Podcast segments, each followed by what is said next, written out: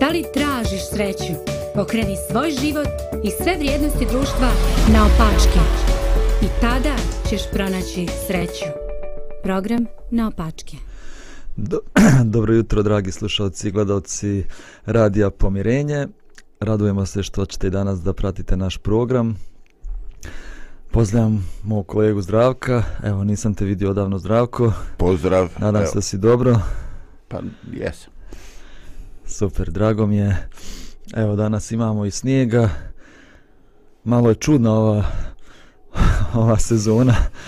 Juče je 18 stepeni, Danas nula.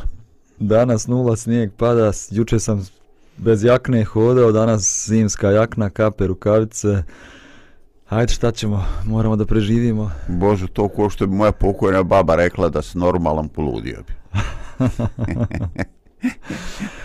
A, dobro, eto, nisam bio ove sedmice sa vama, bio sam na putu, a, eto, jutros me zapalo da ja vodim emisiju i onda sam razmišljao o čemu da govorimo. Inače, a, čitam knjigu Vladike Nikolaja Molitve na jezeru i stvarno sam oduševljen. Ne čitam brzo, svaki dan po jednu tu molitvu pročitam, prosto se ja izmolim s- s tom molitvom kao da, kao da su moje, moju dušu pronikao Vladika tako je bio dubok mislilac i duhovan čovjek, ali jedna molitva se izdiže iznad svih ostalih u toj njegovoj knjizi, a to je molitva za neprijatelje. I mislim da samo duhovni ljudi mogu da razumiju tu njegovu molitvu, jer obično mi mrzimo neprijatelje, mi se borimo protiv neprijatelja, a on je napisao molitvu blagoslovi Bože neprijatelje moje. Pa ja bih volio danas da razgovaramo o toj molitvi, ali evo prije toga možda i za sve slušalce da pročitamo molitvu. Kaže vladika Nikolaj Velimirović ovako. Blagoslovi neprijatelje moje, gospode, i ja ih blagosiljam i ne kunem. Neprijatelji su me više gurnuli tebi u naručje nego prijatelji. Prijatelji su me vezivali za zemlju. Neprijatelji su me driješili od zemlje i rušili sva moja nadanja u zemlju. Ovi su me učinili strancem u zemaljskim carstvima i nepotrebnim stanovnikom zemlje. Kao što gonjena zvijer nađe sigurnije sklonište nego li negonjena, tako sam i ja, gonjen neprijateljima, našao najsigurnije sklonište, sakrivši se pod tvoj šator, gdje ni prijatelji ni neprijatelji ne mogu pogubiti dušu moju. Blagoslovi neprijatelje moje gospode, i ja ih blagosiljam i ne kunem. Oni su mjesto mene ispovjedali grijehe moje pred svijetom. Oni su me šibali kad sam ja ustezao, pardon, kad sam ja ustezao šibati samoga sebe. Oni su me mučili onda kada sam ja begao od muka. Oni su me ružili onda kada sam ja sam sebi laskao. Oni su me pljuvali onda kada sam se ja gordio sobom. Blagoslovi neprijatelje moje gospode, i ja ih blagosiljam i ne kunem. Kada sam se ja pravio mudrim, oni su me nazivali ludim. Kada sam se pravio moćnim, oni su mi se smijali kao kepecu. Kada sam htio voditi ljude, oni su me gurali u pozadinu. Kada sam žurio da se obogatim, oni su me stukali gvozdenom rukom. Kada sam mislio mirno spavati, oni su me budili iz sna. Kada sam zidao dom za dug i spokojan život, oni su ga rušili i izgonili me van. Zaista, neprijatelji su me odriješili od svijeta i produžili ruke moje do tvoga skuta. Blagoslovi neprijatelje moje gospode, i ja ih blagosiljam i ne kunem. Blagoslovi ih i umnoži ih. Umnoži ih i još više ogorči protiv mene, da bi moje bekstvo k tebi bilo bespovratno, da bi se nada u ljude iskidala sva kao paučina, da bi se smirenje potpuno zacarilo u duši mojoj, da bi srce moje postalo grobom, moja dva zla blizanca, gordosti i gnjeva, da bi sve moje blago sabrao na nebu, ah, da bi se jednom oslobodio samo obmane, koja me je i zaplela u strašnu mrežu varljiva života. Neprijatelji su me naučili da znam, što malo ko zna, da čovjek nema neprijatelja u svijetu izvan sebe. Samo onaj mrzi neprijatelje ko ne zna da neprijatelji nisu neprijatelji, no surovi prijatelji. Zaista, teško mi je reći ko mi je učinio više dobra i ko više zla u ovom svijetu, prijatelji ili neprijatelji. Zato blagoslovi gospode i prijatelje i neprijatelje moje. Rob kune neprijatelje jer ne zna, a sin ih blagosilja jer zna. Jer zna sin da mu se neprijatelji ne mogu dotaći života. Zato slobodno korača između njih i moli se Bogu. Blagoslovi neprijatelje moje gospode i ja ih blagosiljam i ne kunem. Evo, ne znam, Zdravko, kakav je tvoj utisak? Moj utisak? Pa ima materijala za jedno tri susreta. Pa ja isto mislim da bi mogli najmanje sedmicu dana da svaki dan emisiju imamo. Ovaj, e, ma, majke mi, ja taman ono, ovaj, ono, uh, odahnem, znaš ono, ka, e, mislim ono, pravo ono, zaokruženo i, i um moj rezonuje i srce se složi, a ono opet, opet napravi neku bravuru, pa iz početka, pa me prvo zbuni, pa onda, aha, sad sam skonto i tako. I ovaj, e, baš me onako kao na nekoj e, ljuljaški, ovaj, sad me gurne lijevo, sad me gurne desno, ovaj, i, i o, osjeća mi se mozak ko motor od fiće ljeti, ono, ono, počine malo da me pregrijava. da, ovaj, pa dobro, evo, ja mislim da, mislim, evo, mi smo malo i zreli ljudi, evo, ja sam prešao 50-tu, ti si 60. ti si 60. A ja mislim da možemo sad već polako i da, da razumijemo ovu molitu vladike Nikolaja. Ne znam, kad, kad sam bio mlađi, djeca, mladi, teško mogu da ovo, ovo razumiju o čemu on govori. Možda se nisu ni susretali sa neprijateljima u životu. Možda ih nije ni srce zabolilo zbog neprijatelja. Ali evo mislim da mi možemo da razumijemo i možemo da razgovaramo.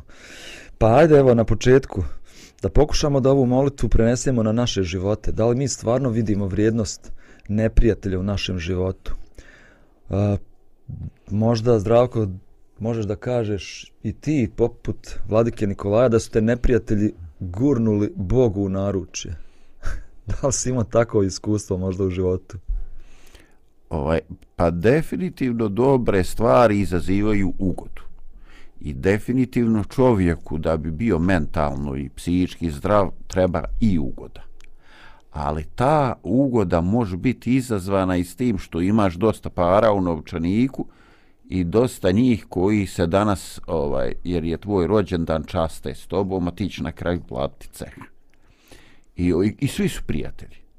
I svi su prijatelji do onoga trenutka i onoga dana kad se čuti da si, ovaj, šta znam, e, imao neku ovaj, štetu na autu, da si ostao dekintiran, da si ostao bez novaca, da si od nekog pozajmio sto maraka i tako, odjedan put ti kao donator nisi više interesantan. Okreneš se oko tebe, slabo ko zove na piće, tako bi ljudi rekli obično. Onda, onda se pita šta je realnost? Šta je realnost?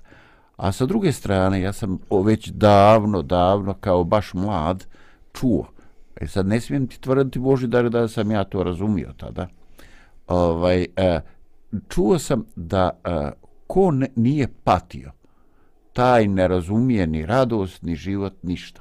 Znači, nema čovjeka u onome, e, pisano velikim slugom čovjeka, u smislu ljudstva. Ovaj, nema čovjeka koji, e, ako on u svojoj životnoj biografiji e, nije zabilježio uh, trpljenje, razočarenje, uh, izdaju osjećaj bespomoćnosti. Znači sve to što je definitivno neugoda, ovaj, nekako uh, na dužu stazu ostavlja dublji trag koji zaokružuje taj naš duhovni lik nego oni trenuci kad nam se čini ono, eto, ono, baš nam je potaman, danas sve mi ide, kupio nešto, dobio nešto, društvo je bilo oduševljeno onim što sam rekao ili uradio. Znači, e, te neke neugode ostavljaju dublji trag i ponekad mnogo pozitivniji trag od onoga što nam se čini kao trenutni triumf. To je Da. definitivno moje iskustvo. Da, ja se slažem s tobom. Uh, s tim što ja više bih volio, nekad, nekad ja patim zbog svojih nekih propusta, razbolim se zbog mog nebrige o zdravlju, patim zbog toga i mogu da prihvatim takvu vrstu patnje i da nešto naučim iz te patnje. A ja danas bih više volio da govorimo o neprijateljima, jer nam je to nekako mnogo teže podnositi. Patnju koju sam ja sam izazvao, lako ću da podnesem, ali patnju zbog nekoga ko mi je podmetnuo klip, zbog nekoga ko, ovaj, ko je to namjerno uradio da bi ja patio, nekako tu patnju mi je mnogo, mnogo teže da, da podnesem i da vidim ikakvu vrijednost u tome i da, da, da se molim da Bog blagoslovi moje neprijatelje, to mi je, to mi je i nepojmljivo. Bilo nekada. Ali nekako se približavam tome. Evo ja hoću ti pričam primjer mog života. Sad mogu, ne mogu da kažem da su to bili neprijatelji moji, ali ljudi koji koje sam ja u nekom trenutku vidio kao neprijatelji, kao I- nekog... Jesu ti vadili mast, kako se kaže ovdje? Ne, ne, ne, Ne. ali reću ti primjer. Uh, gdje sam ja vidio da oni ne rade u mom najboljem interesu.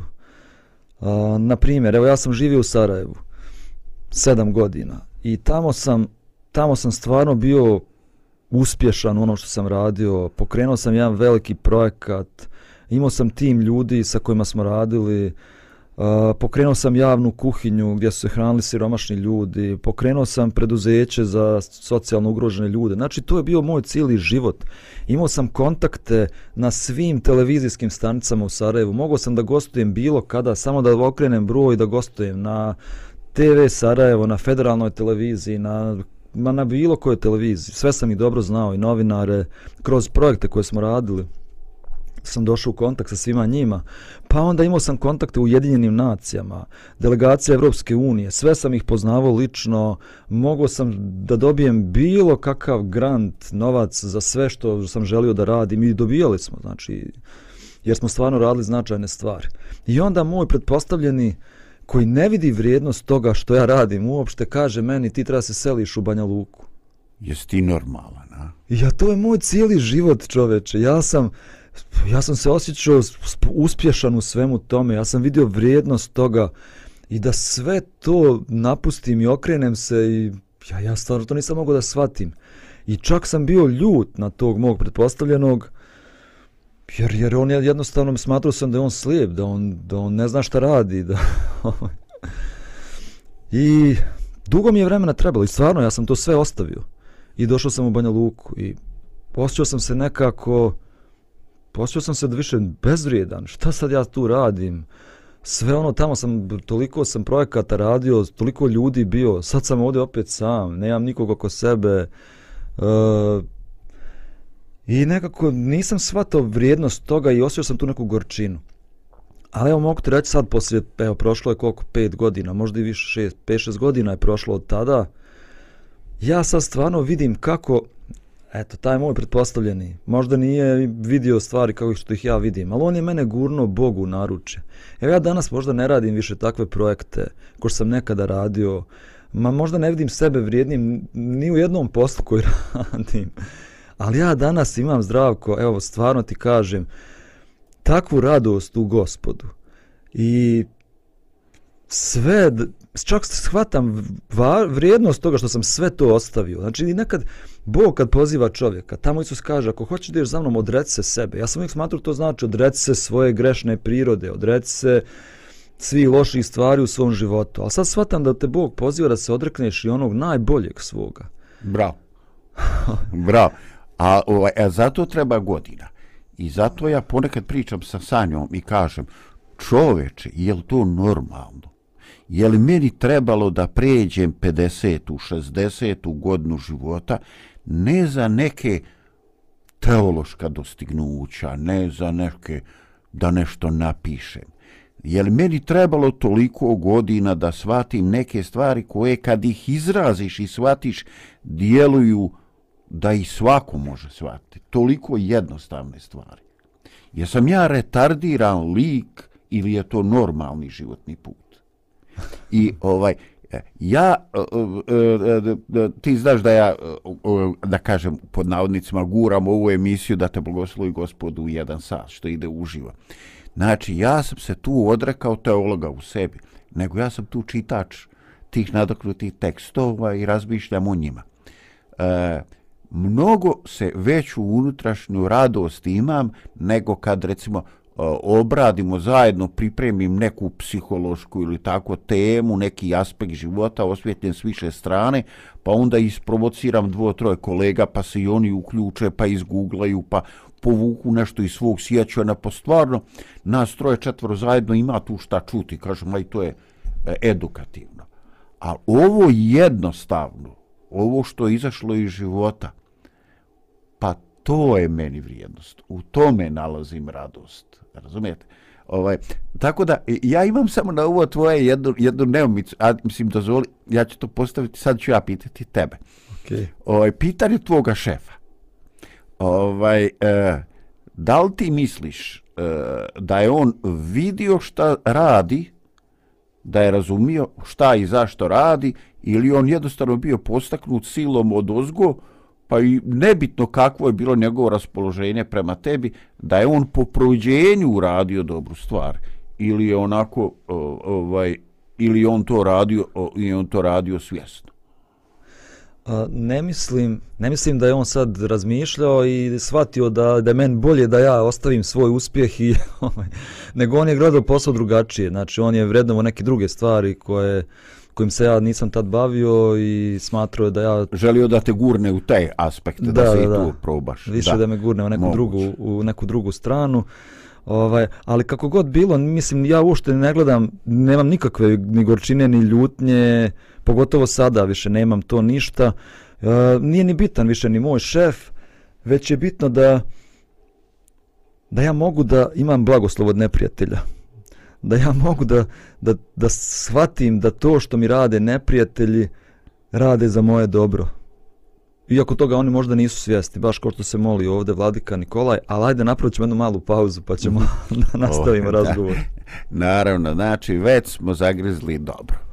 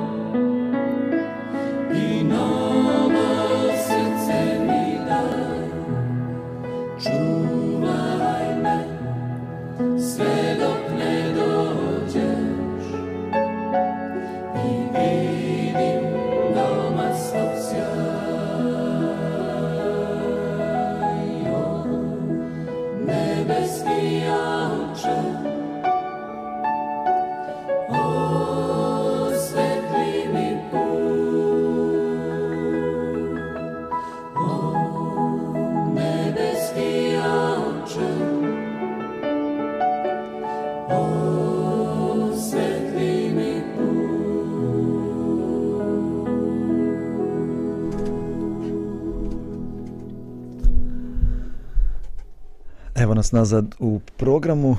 Razgovaramo o molitvi blagoslovi Bože neprijatelje moje, ja i blagosiljam, poznata i čuvena molitva vladike Nikolaja Velimirovića. Eto, malo smo zagolicali i zagrebali površinu i mislim da ćemo sad malo i dublje da uđemo u sve to. Eto, ja sam ispričao kako, ajde ne kažem neprijatelj, ali neko ko je radio suprotno mojim interesima, kako sam ja to shvatao, je doprineo tome da ja da se oslobodim mogu ti reći, eto, zdravko, da sam sve to radio i bio stvarno uspješan u tome, što sam već spominjao, ali da sam bio i opterećen, da sam imao tenzijone glavobolje, zato što sam radio 10 projekata u isto vrijeme, radio master, evo danas ništa to više ne radim i žao mi je, ne, često mi bude žao što više nisam uključen u sve te projekte koje sam nekada radio, ali ali nemam ali imam imam mir, imam radost u životu i i nekako se osjećam da baš zato što sam sve to izgubio da sam dobio Boga u svom životu i osjećam Boga u svom životu i osjećam kako je on prisutan u mom životu i jednostavno toliko se radujem tom svakom susretu s Bogom svakog jutra da, da mi je to veća radost nego bilo šta što mogu da radim ovaj u životu. Ali eto, da malo produbimo a, temu, o, jer stvarno ima puno tih stvari u ovoj molitvi koje možemo da spomenemo. A, kaže ovdje um, vladika Nikolaj kako su neprijatelji ispovjedali grijehe umjesto njega. Pa onda spominje tako još neke stvari koje su rašibali su ga kad on nije htio da šiba samog sebe. Um, kako to možemo da razumijemo? Kako neprijatelji u stvari su sprovodili te duhovne vježbe, duhovne discipline umjesto njega? Pa ja sam ti u pauzi rekao, ovaj, e, ja sam u životu više puta ovaj, e, osjećao, više puta, više ovaj, navrata osjećao osjećaj neke nepravde, ovaj, e, jer sam, šta znam, doživljaš neku neugodu za ono što, što nisi kriv. I onda ovaj e, razmišljaš i kažeš, ovaj, a šta Bože ako si ih, e, ako si ti podigao te ljude, sad oni mene optužuju za nešto ja nisam kriv, a možda oni urade posao ovaj jer e, bivaju u čovjekovom životu promašaj loše stvari koje on napravi, a za koje nikada ne dobije prekor. I onda dobiješ prekor za ono što nisi kriv. Pa možda je to pravljenje nekog balansa. Ovaj, e, jednostavno vratite, vratite u situaciju da si, e, da si ranjiv, da nisi savršen, e, da ti treba intervencija, da ti treba redovan neki servis pred lice Božim. Razumijete? Ovaj, e, jednostavno, također neke druge stvari, ovaj, e, ja sam u, u zadnjih nekoliko godina e, doživljavao da se obraćam recimo sa određenom molbom nekim ljudima. I, ovaj, e, I onda sam fasciniran. Znači, e, najiskrenije ljudi kojima se ja obraćam su plemeniti ljudi s hrišćanskim iskustvom. S druge strane, načine koji oni tretiraju to što ja tražim je ravno onome koje je duhovno ili hrišćanski neosjetljiv. I ja kako je to moguće?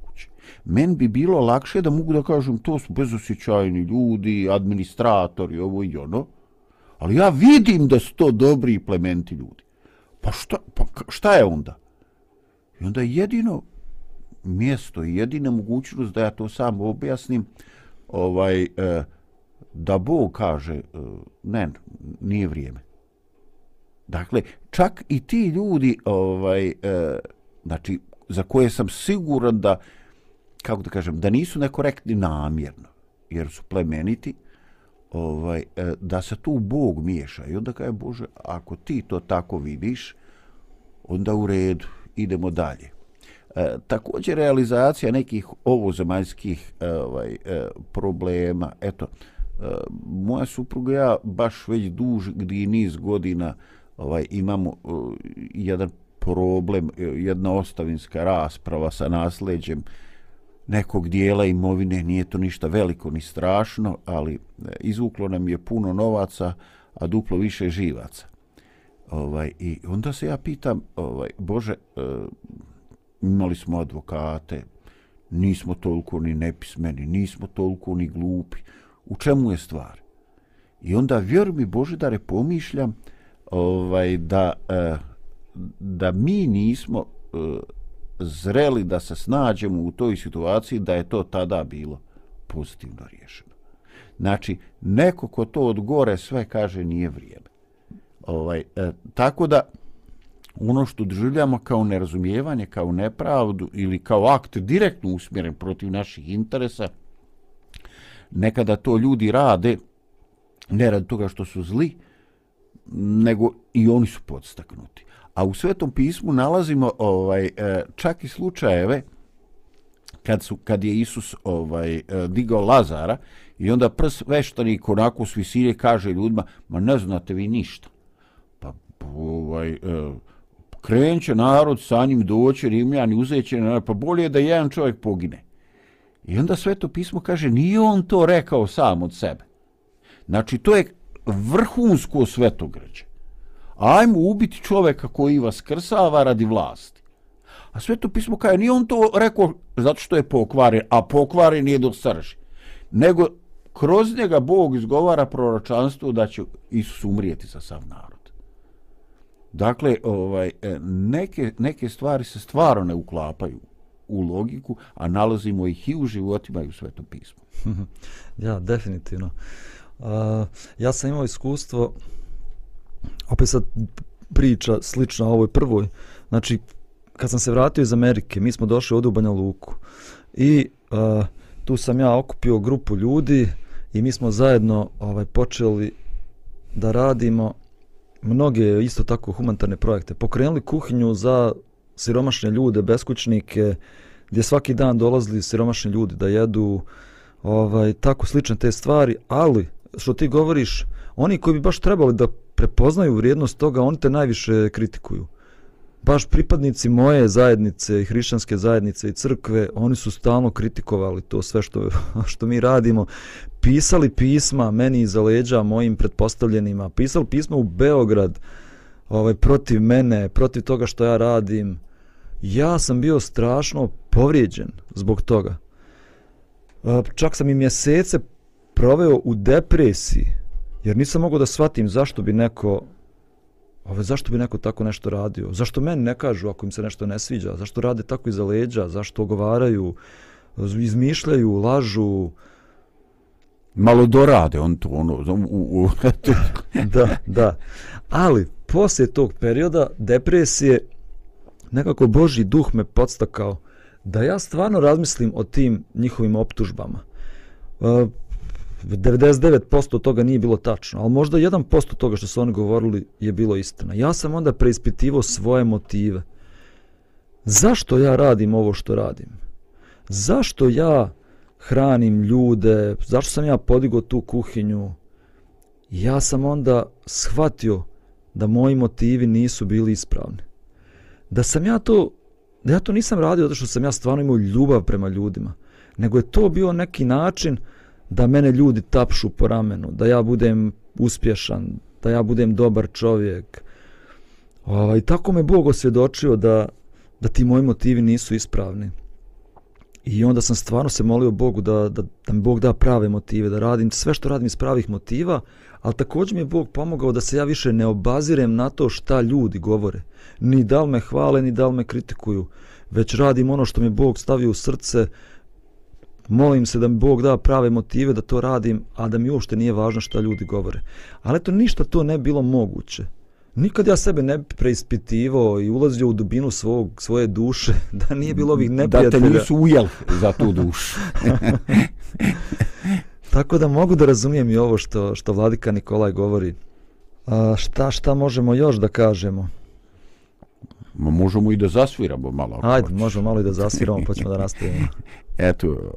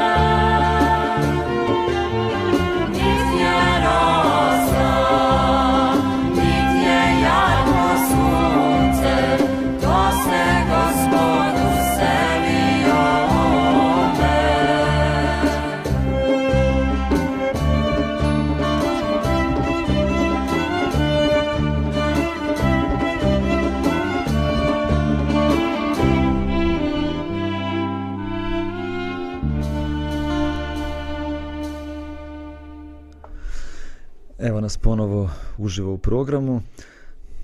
Vraćamo se na temu o molitvi za neprijatelje. Nadam se da ćemo i mi jednog dana da dosegnemo taj nivo, da možemo da zahvaljujemo Bogu za neprijatelje. Možda da čak kažemo kao i vladika Nikolaj, kad shvatimo vrijednost neprijatelja, ogorči neprijatelje moje. Da još više. E, tu sam ja zabagovo, majke mi, ono, ne moj, ono. E, ovi moji dovoljno su u kondiciji, ovi što mi jedu džigericu su dovoljno u kondiciji, nisi siguran da baš želim da ih ojačaš, jer, ovaj, ja, mislim, ono, nije mi bo, dobro, rastavit ću se na sastavne dijelove. Ovaj, ali meni, mene fascinira, Božo, to što si ti čitao iza toga, radi čega? kaže, oni su učinili da više sežem, da mi ruke dosegnu do tebe. I onda onaj drugi izraz koji si čitao, uradi to da bi tu moju odluku za tebe učinio nepovratnom. Da se ne bi hajvan, kad mu krene na dobro, ovaj, rekao, u, ja sam baja, ja sam faca, ovo i ono, i ponovo počeo da lutuje. Znači, ta dva izraza me fasciniraju. Znači, pukao sam, pukao sam kad to čujem. Znači, da. da bi to učinio, to što u muci zavapiš i poniziš se, a kad krene dobro, ti se ponovo vazdigneš. Ono, mislim, stani, bolan. Stani kod si krenuo. Evo, još jednom ću da pročitam baš to što se govorio. Kaže, Uh, blagoslovi neprijatelji moje gospode, ja i blagosljam i ne kunem, blagoslovi ih i umnoži ih, umnoži ih i još više ogorči protiv mene. I onda to zašto? Da bi moje bekstvo k tebi bilo bespovratno. Da. Da. Da bilo bespovratno. Da. Da više nikada se ne vratio na drugu stranu. Da, da. bi ja se držao tebi. Ja kaže dalje, da bi se nada u ljude iskidala sva kao paučina. E da, e sad to, to, e, aj molim te sad mi dozvoli.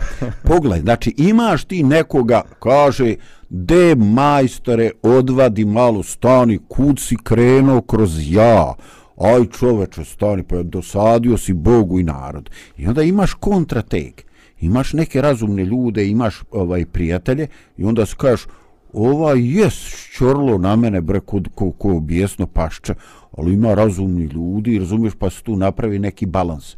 Ali pogledaj šta nama priča Vladika.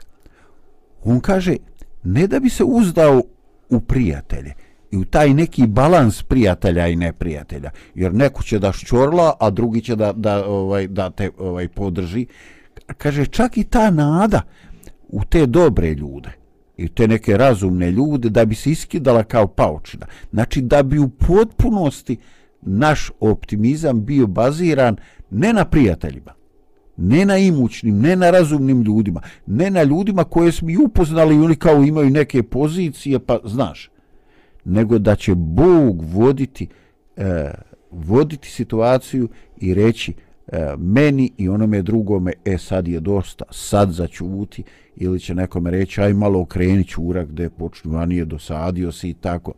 Ovaj, dakle, stvarno je to teško, stvarno je to revolucija uma.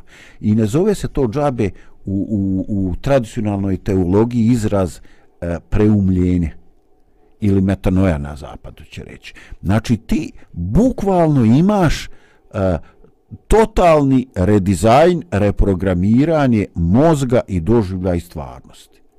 I kad ti nekome, ovaj, ja vjerujem da ovo što piše eh, vladika Nikolaj, da nekim ljudima izgleda, osim ako oni to njega prihvataju, znaš, autoritet je, pa ja tu ništa ne razumijem, ali svaka njemu čas neću ništa ružno reći. Ali vjerujem da postoji mnogo ljudi koji kažu, ovo nema veze s mojim iskustvom, a ne veze ni sa životom. Da, stvarno to tako izgleda ali izgleda da e, absurd hrišćanstva jeste e, što, što ono nije tako jednostavno u smislu uzrok posljedica radiš ovo dobiješ ono ništa ne važi. Sve odlazi do nivoa absurda i ovaj rezultat svega je kad je uspjeh onda je to definitivno ovaj odricanje od ega. Jel ti kažeš kako sam se ja osjećao dok sam bio uspješan u Sarajevu u Banja Luci zašto sam radio ovo i ono? Ovaj e, da ti si vjerovatno morao da se zapitaš kako je to uticalo na tvoj doživljaj sebe samoga. Kako se taj neki super ego, vizija sebe samoga, u kom smjeru se izgrađivala. I da li je to možda pokrivalo neke druge aspekte koji nisu mogli doći na površinu, a koje Bog želi da promijeni u meni, u tebi, bilo kome od nas. Jer toliko ima ti pozitivni sadržaja da ti ono plivaš na novorika, joj nemoj me dirati, muzika svira, sunce lijepo ne peče, znaš kako me grije, nemoj mi nikve ružne teme. A Bog kaže, vrijeme ti je da pokrenemo neke ružne teme. sigurno, sigurno. Ali samo još da komentarišem ovo da uh, da se nada u ljude iskida. E, To je totalno suprotno, evo ti si baš govorio, totalno suprotno logice. Znači mi u životu mislimo moraš imati veze u životu, pa ti ne možeš da uspiješ ako nemaš veze u životu, ako nemaš poznanstva, ako nemaš ljude. Pogotovo na Balkanu. a, a on ovdje se moli da se nada u ljude iskida kao paučina. Na kraju, u zrelosti nekoj životnoj, shvatiš da ne možeš da se pouzdaš u ljude da shvatiš da su ljudi ograničena bića i nesavršena bića kao što sam i ja nesavršen i da ne možeš da se pouzdaš u njih i da ne treba ni da očekuješ da se pouzdaš u njih. Mnogo je lakši život kad to shvatiš. Jer ako stalno imaš očekivanja od ljudi, stalno doživljavaš uh, povrijeđenost. Jer oni ne ispunjavaju to što ti očekuješ, jer te oni iznevjere, povrijedete. Ali na kraju dođeš, po, možeš to da, da, da pokidaš tu nadu ljude kad, kad shvatiš da Bog je onaj koji jedini je pouzdan, jedini koji uvijek ima tvoje najbolje interese ovaj, u svom planu i koji će uvijek raditi ono što je tvoj najbolji interes i koji te nikad neće iznevjeriti, koji te nikad neće prevariti, koji je uvijek tu za tebe. I zato je dobro da se iskida ta nada u ljude, ta paučina. To je paučina. Ti misliš da je to, ne znam kakva čvrsta veza, to sve paučina da bi izgradio onu najčvršću moguću vezu, mostove sa Bogom koji te nikad neće ovaj, iznevjeriti. Ali aj sad malo da pričamo isto i o, o prijateljima. On kaže, ne znam kom je više dobra ili zla učinio u životu, prijatelj ili neprijatelj. Ovaj, ne znam da li, da li si ti nekad doživio da prijatelj budu neprijatelj. E, te, teška je tu tema jer e, nemoguće je to doživjeti bez uh, razočarenja koje ide do nivoa traumatskog. Ovaj, e, I što su dublje veze, što je e, neko doživljaj prijateljstva bio intenzivniji, to je naravno veće, veće ovaj, e, razočarenje, ali onda je veća i ta, veća i ta gorčina i ovaj e, posljedice za te odnose ovaj mogu biti katastrofalne i onda možemo očekivati E, drugu vrstu, jer odakle te pravo da ti razočaraš u mene, šta si ti očekivao, znaš, i tako. Ovaj, e, to je to je jedan jedan aspekt svega toga. E, sa druge strane, e, ti spominješ paučinu. Nekada taj osjećaj e, da smo dobro ukorijenjeni, da smo dobro uvezani, da imamo neku stabilnu ekipu, e, čini da se manje pouzdaš u Boga e, i manje njega prizivaš u te svoje ambicije, u te svoje ciljeve, u te želje da rasteš. I, ovaj, e, i ja nekako e, razmišljam e, šta je veća opasnost? Da li je veća opasnost e, kad, kad si u situaciji da imaš neke da imaš neke promašaje, da imaš neke greške u poslu, da nešto nisi uradio i, i kad te pozove predpostavljeni ili neko ti kaže, e, a ono nije dobro, bilo bolje ovako, slagao se ti ili ne, ovaj, je li to veće iskušenje? Ili možda veći izvor problema e, može biti kad ti e, uradiš nešto stvarno dobro i stvoriš neki e, E, osjećaj koga ljudi nisu svjesni ovaj e, koji jednostavno misle da se ti ohol zato što ti je nešto krenulo za ruku. Ovaj evo ja ću iskoristiti ovu ovaj, e, emisiju da tebe podsjetim da sam ti dao link za jedan film koji ti trebaš yes, da pogledaš yes, yes. i ti si rekao da će to dogledno vrijeme da ćeš uraditi. Ja sad tebi kažem nemoj da jedan od nas dvojica umre, onda posle toga neću moći komentarisati Aha. film ima u tome filmu jedna situacija, e, znači dva su monaha, ovaj e, film Ostrvo, ajde radi gledalaca da kaže, i ovaj i odjedan put e, e, dolaze u tu ćeliju prvo njegov sabrat, a dolaze i nastojnik, taj šef manastira. Jedan i drugi u srcu imaju problem zašto duh sveti sarađuje sa ovim čovjekom koji se ponekad ponaša kao da je blenda Razumiješ, on dođe u crkvu, svi se okrenu prema oltaru, on okrene leđa. I razumiješ ono, ide tamo, popeo se na zvonik i kukuriče od i Tako, čovječ je s tim normalan. Ali njega svjedoči duh sveti, a ovi imaju samo rutine. I onda ovaj eh, on pravi neke situacije ovaj u kome hoće eh, pita svoga toga eh, sabrata ovaj e, šta ono biješe problem između Kaina i Javlja. Dakle, nekada ti odnosi mogu doći do otle e, da e, jednostavno dolazi nepodnošenje radi nečega što je možda duh Boži dao tebi, a nije dao meni. I ovaj to je nevjerovatni triumf demonskoga, a može se dešavati u okviru bilo kakve crkvene ili ili e, naoči gledane ovaj e, duhovne duhovnog konteksta.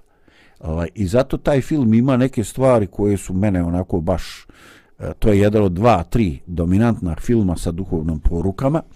Ovaj ja ću opet koristiti radio emisije da te priciskam ovaj dok ti ne prijaviš da sto pogleda. pa ćemo onda napraviti jednu emisiju e, bravo, Ostrvo. Evo, čuli ste, najavit, e, najavit ćemo, kao, e, e, kako se kaže, događaj, event, ja, najavit ćemo našu priču o filmu Ostrvo. Čuli ste šta je rekao Božu, držite ga svi za riječ. Dobro. Ovaj, evo, prije ove posljednje pauze, možda samo eto ja da ispričam isto, da sam ja u životu isto doživio, doživio sam razočarenja od prijatelja nešto što se ja ne, ne bih očekivao, ne bih se nadao. Mislim, ja ne bih to nikad uradio svojim prijateljima, što sam ja doživio od mojih prijatelja. Um, ne, ne moram sad ovaj, ne, možda ni da pričam. Ne moraš, pogotovo ako se već priča. Da. A ovo nisam pričao. A, jednom sam, da, imam jednog dobrog prijatelja koji živi u Srbiji. On vodi jednu partnersku organizaciju tamo u Srbiji. Jednom prilikom neka organizacija iz Holandije odlučila da donira nama ovdje u Bosnu jedan kombi Toyotin kombi, super, nije puno prešao, nama treba ovdje baš za ovaj rad koji mi radili, koji smo tada radili ovdje. I krene ta žena iz Holandije, vozi kombi u Bosnu, ja nisam znao da i došao zakon da samo euro, ne može ništa ispod euro 5 motora da se uveze ovdje u Bosnu. A taj, ta Toyota bila euro 3 motor i ne može se uveze.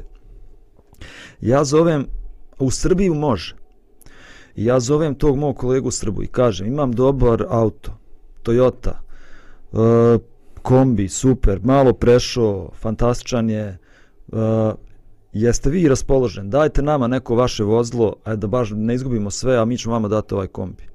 On kaže, a nama ne treba taj kombi. Tako da nismo zainteresovani.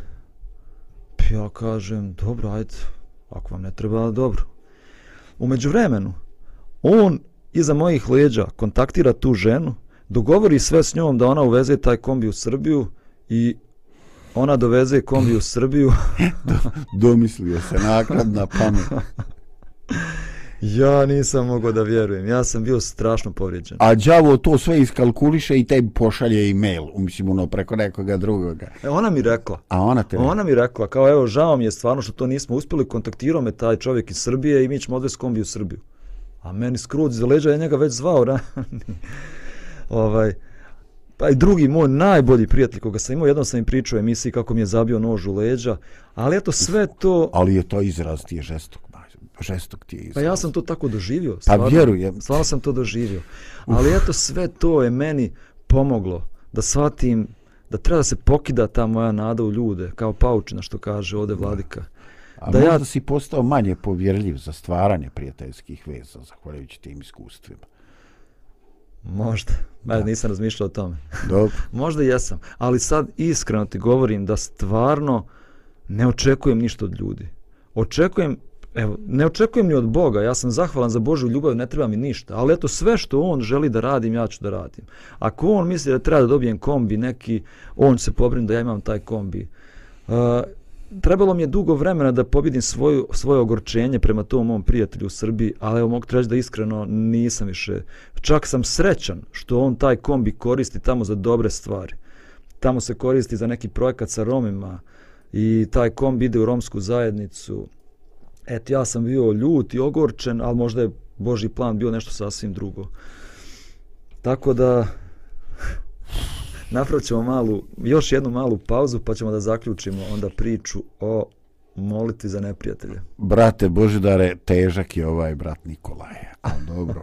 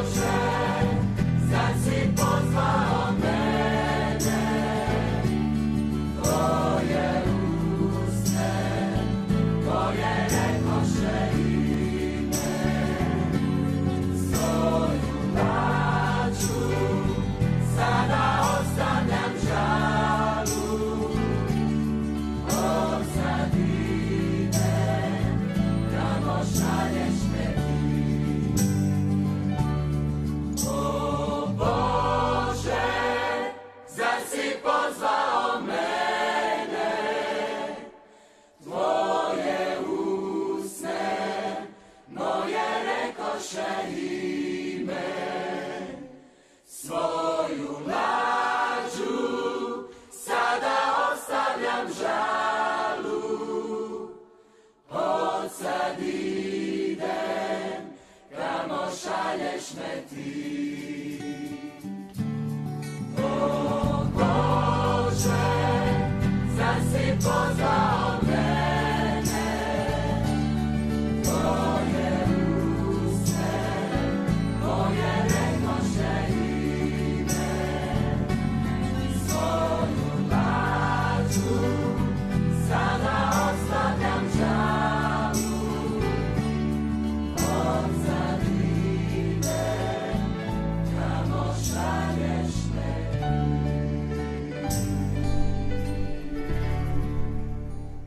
Evo nas, došli smo i do samog kraja naše emisije, koju smo posvetili poznatoj, velikoj, ja bih rekao, molitvi Vladike Nikolaja, Bože blagoslovi neprijatelje moje, i ja ih blagosiljam.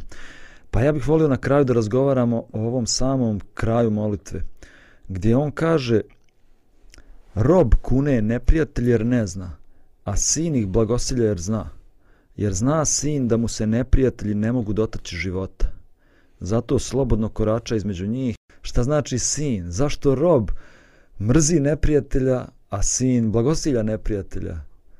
Buraz. Evo jednog dijela koje se men čini da razumijem. Tamo sam na nekim stvarima prvo se pobunio pa se složio. Pa bi se okrene želudac. Joj, brate, nemoj, nemoj mi jačat uvećavat broj oni koji me ne vole, imam i dosta, razumiješ? Ona ali ovaj dio mi je lego. Eto, ne, e, nek mi je išta leglo kako treba danas. Ovaj, meni ovo asocira na onu situaciju ovaj, na vijeću nebeskom u vezi ova. Kad Bog kaže, pa ajde čini, samo u duš ne diraj. Znači, sin koji služi Bogu zato što voli Boga, kaže, on zna da mu neprijete ne može oduzeti život ne može mu oduzeti život, čak ne mislim da se ovdje radi u fizičkom životu, ne može mu uticati na njegovo spasenje. I on nema straha od njih. Znači, on će toliko da laju, toliko da grizu, koliko im bude dozvoljeno. Ali oni uopšte nisu svjesni da su oni limitirani. Nečastivi je mučio Jova, dao mu zli prišt, izgubio stoku, poginu mu sinovi, I još, a ostala mu živa blentava žena da mu zvaca, aj prokuni Boga, šta ti još pričaš o vjeri. Znači, on je skroz čovjek pritisnut. I Bog rekao, udari ga, ali mu dušu ne diraj. I mi vidimo da čak i ti prijatelji, mudraci koji su došli kao da mu pomognu kroz te neke svoje teološke ovaj eh, dileme, da mu ni on ne pomažu. I ja to vidim tako. Kako ne mogu ti neprijatelji ništa učiniti životu? Pa zato što oni nisu svjesni. Bog je limitirao silu zla.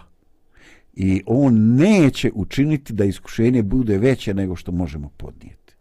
E toliko bilo me i previše danas. Ali super je, super. Zato možemo da razumijemo ljude, rijetke ljude koji su a, u logorima ili davali svoj život, a nisu mrzli te neprijatelje koji su im oduzmali njihov život.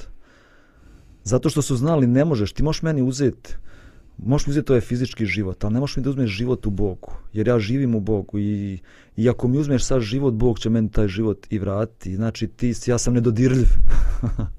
da. To može sin da kaže, da. ja sam nedodirljiv. Ne možeš mi ništa. Zato što ja imam oca. A rob ne poznaje oca. Mhm. Uh -huh on je u tim e, prihod do dohodovnim odnosima. On misli, et sad ja ovdje ću dobiti, ovdje ću izgubiti, vječito se borim za bolju poziciju i tako. I strahujem da. i... Da. Ali sin nema straha. Dobro, Zdravko. Evo, bilo mi je uživanje da smo danas mogli da spomenemo ovu molitvu.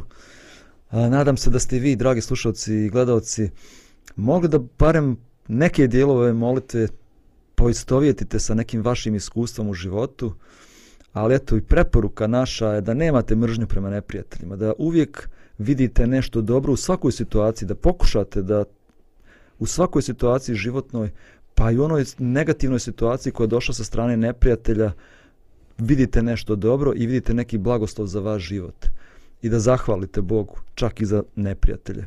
Želim vam lijep i ugodan dan, e, lijep vikend, i slušamo se i gledamo ponovo u ponedeljak. Ma slušamo se u 13 časova, boždare, a onda u ponedeljak radovno u 11. Važi, svako dobro. Pozdrav.